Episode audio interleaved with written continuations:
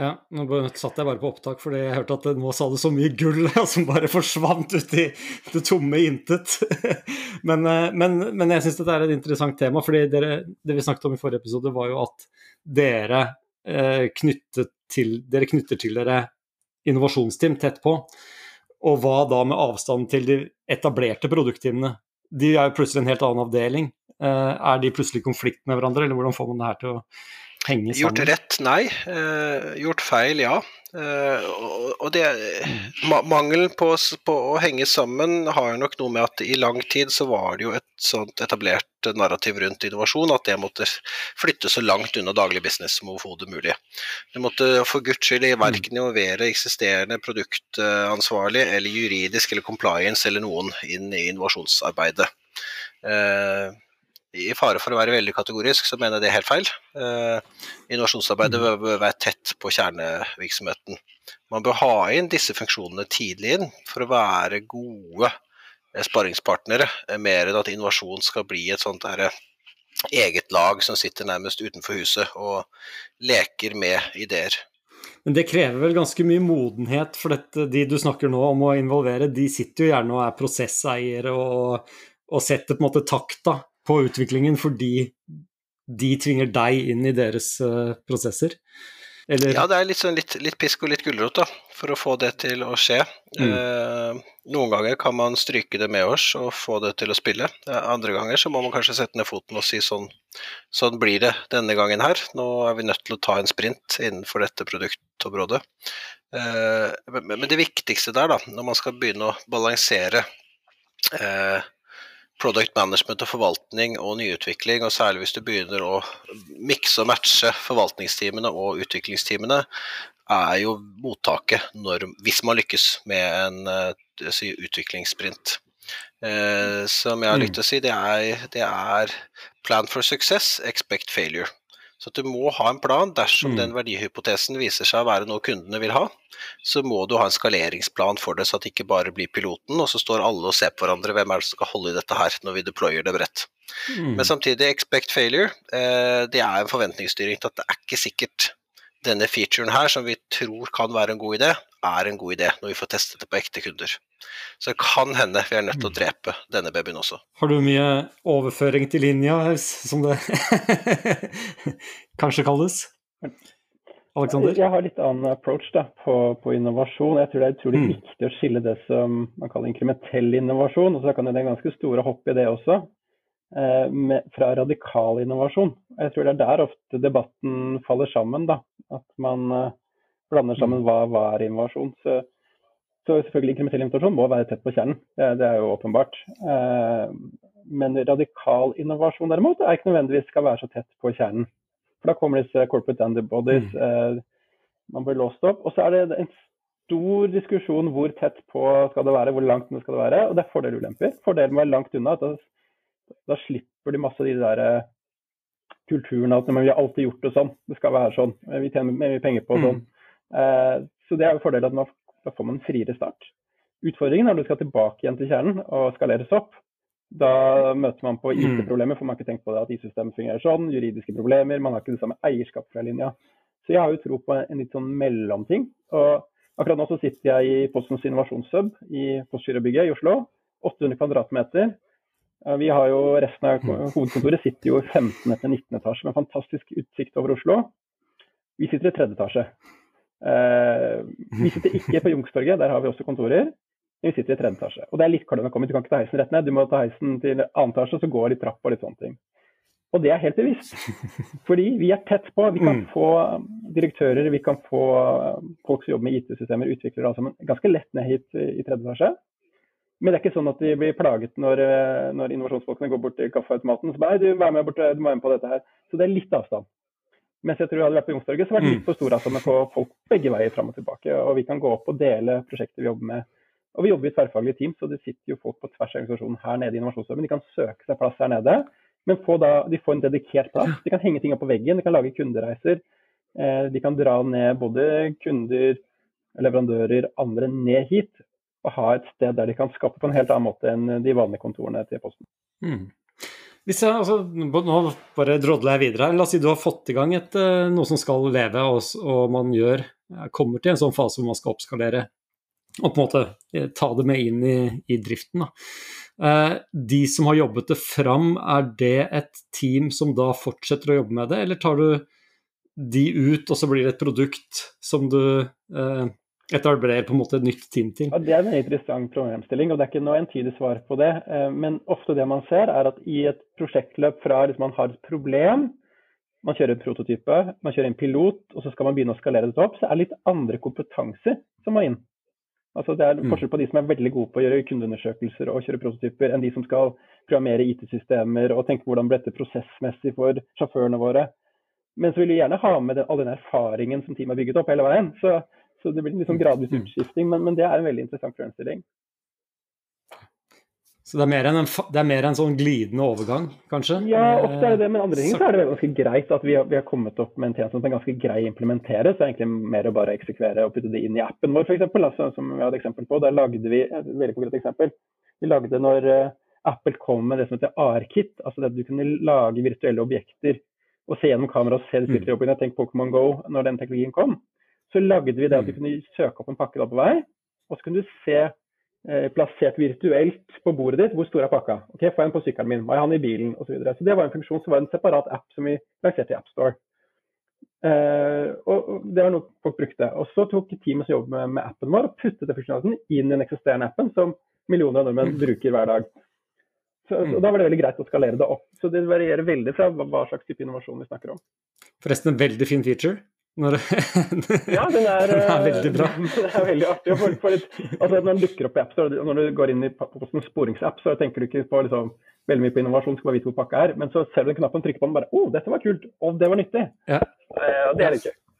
Eh, den andre veien, da. Altså de som sitter i produktteamene, eh, og som jobber med kundebehov og kanskje har noen hypoteser om hva som man kunne adressert. Har dere noen, hvordan sørger dere for at de ideene eller de behovene som kommer derfra, også når eh, innovasjonsdelen av, eh, av, virksomheten? Ja, vi, ja. Jeg tenkte å hekte meg litt på det som Alexander nå, nå, nevnte, og som egentlig har vært gjennomgående for mye av det vi har sagt. Det er jo at det finnes jo ikke én løsning her. Og tilbake til eh, min mastergrad rundt innovasjon. og det, ikke den forrige, men kanskje gangen før der. For det innovasjonsfokuset i store organisasjoner går i bølger. Dette er vel for to bølger siden, og da var det veldig veldig fokus på innovasjonsprosessen. Uh, idé management-prosessen, idéfangstprosessen. Det, det, var vel da vi alle tre ble kjent, tilbake i 2006-2007. Uh, eh, da var det liksom mm. hovedfokuset. Uh, og, og min erfaring er jo at innovasjonsprosessen er jo innovasjonens verste fiende. Man forsøker å mm. løse morgendagens problemer med gårsdagens verktøy.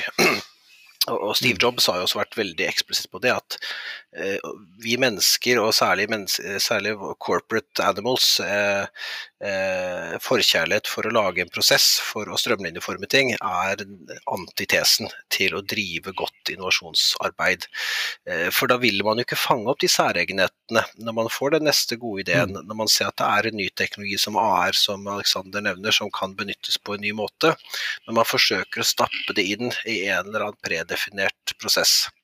Eh, mm. Samtidig så kan man jo ikke heller ha fullt anarki. Eh, man må jo ha en viss grad av Eh, forutsigbarhet på måten man driver innovasjon på. Så, så, der tenker jeg at en kontinuerlig videreutvikling, ikke bare av ideer og initiativer og gjennomføringsprosjekter, men også måten man fanger disse opp, er jo helt avgjørende for å kunne ha en evolusjonær tilnærming til ikke bare utfallet av innovasjonene, men også innovasjonsarbeidet. Og Det handler kanskje da mer om kultur, da?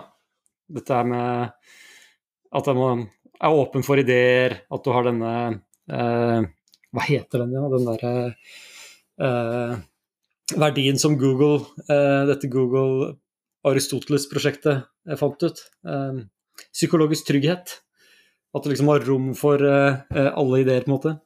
Ja, og det er litt som vi snakket om her i forrige, forrige episode, hvis det er det vi skal kalle det. Rundt eh, lederens rolle da, inn mot innovasjonstimene. handler om å gi selvtillit til å mm. enten eh, fortsette å utforske noe som utfordrer eksisterende business, eller velge en annen måte å gjøre ting på, for man ser at dagens prosess fungerer ikke for dette formålet.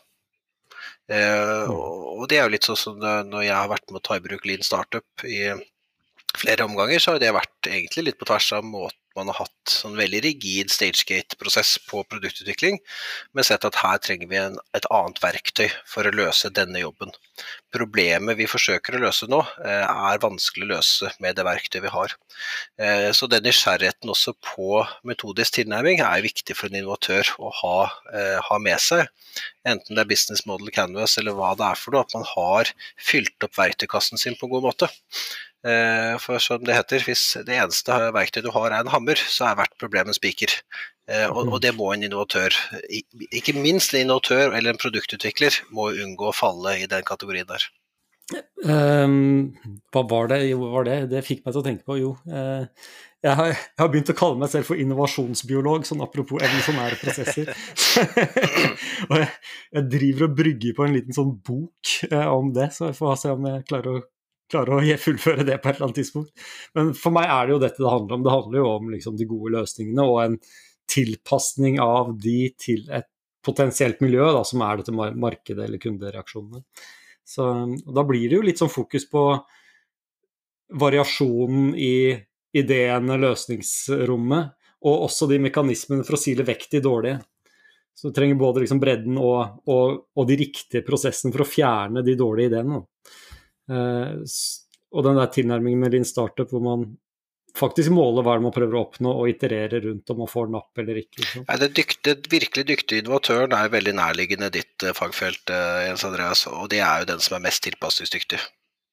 Mm. Det er den som overlever. Det er veldig mye snakk om smidig. Jeg syns tilpasningsdyktig er mye riktigere ord. Jeg er veldig enig. Og det, det, det, sier jeg ikke bare for å stryke, stryke deg med oss på ditt, eh, ditt eh, hjemme, hjemmefelt, men det, det, er min erfaring også. Tenker det samme, Aleksander? Nå må du si det, for du er to mot én nå. Ja, nei, nei, nei, nei men, jeg, men, jeg, tror sant, det å jobbe med produkt- og tjenesteinnovasjon inkrementell, det er utrolig viktig. Mm. det er ikke noe tvil om det. Men jeg tror det er faktisk det gjør en forskjell, er jo når et selskap må mm. pivotere. Eh, ref. tilpasningsdyktighet. Mm. Det er jo der selskaper feiler. Altså Store selskaper med smarte folk i toppledelse, milliarder i omsetninger, titusenvis av kunder, går til grunne. Eh, rett og mm. slett for at konsernledelsen tror at det de har i dag, kommer til å fortsette rett fram. Ikke sant? Og alle de faretegnene som dukker opp, og alle de som sier fra internt, blir ikke hørt. Så det er jo der jeg mener selskaper har et kjempeproblem. Altså om Omsetning går ned 10% og sånn, ja det går fint, de overlever, arbeidsplassene består. Men det er jo når de ikke klarer den store omstillingen som kommer. altså Ref. Posten da, Posten var jo 30 000 ansatte som leverte to milliarder brev på en lønnsom måte for 20 år siden. Og så kom inn, og, og kan tenke, Da var det selskapet 350 år gammelt. Og i 350 år hadde det kommet ny teknologi. Det hadde kommet uh, telegraf og telex og telefon, mobiltelefon, radio, TV. Masse kommunikasjonsteknologi kom. Mm. Og så tenkte jeg, Hvis du da var sjef i Posten i 350 år, har du sett ny teknologi komme, og likevel så steg brevvolumene. Trenger ikke å bekymre meg for en mm. ting. Og så kommer internett, og så dundrer volumet nedover. Og nå er det kanskje mellom, mellom 2000 og 3000 mennesker i Posten som jobber med, med brev. 90% reduksjon. Mm. Og da, Hvis ikke Posten da hadde omstilt seg som de gjorde i sånn type 2007-2008 og begynte å kjøpe opp logistikkselskaper, vi skapte Bring-merkevaren, eh, vi gikk inn i Sverige, vi gikk inn i Danmark Hadde ikke den pivoteringen skjedd, så hadde det ikke vært de 13 000 mm. ansatte og de 25 milliardene vi omsetter for i dag. Eh, så, eh, og så kommer det en ny utfordring for oss. Vi må prioritere igjen, men, men, det tror jeg er veldig lett, da, særlig i litt eldre bransjer, at man blir så doven og lat at man skjønner ikke når man må pivotere. Mm. Eller vi skal la det være der. Det er jo liksom gjennomgangstema for uh, sikkert motivasjonen vår til å holde på med det vi holder på med også. Uh, det handler jo om en stor endring i alle bransjer som Eh, vi etter hvert begynner å kjenne tegnene på, det? Det er, liksom, det er det samme som gjentar seg i bransje etter bransje. Og så er det allikevel fascinerende hvor vanskelig det er. Selv om man måte, har en slags oppskrift. Ja, så tror jeg det er en bigger purpose her da, for vi som jobber med innovasjon i selskaper. Og det er at verden har store problemer. Altså det er bare Alt fra miljø, klima, krig. Vi har enorme problemer. Og jeg har jobbet ti år i startups. men startups er ikke raske nok, og de har ikke nok impact. Altså Selv Tesla har holdt på hvor mange, er det 20 år nå? SpaceX har holdt på masse år. De klarer ikke å innovere raskt nok. Det er vi etablerte selskaper som må bli mer innovative for at de skal lykkes å løse disse problemene. Hei. Det var en fin take. Tusen takk, Kristoffer og Aleksander. Takk. Drypp er en lavterskelpodkast fra Beck, hvor vi diskuterer diverse temaer som interesserer oss. Og Hvis du har et tema som du har lyst til at vi skal snakke om, eller du vil være med på en innspilling, ta kontakt på drypp.beck.no.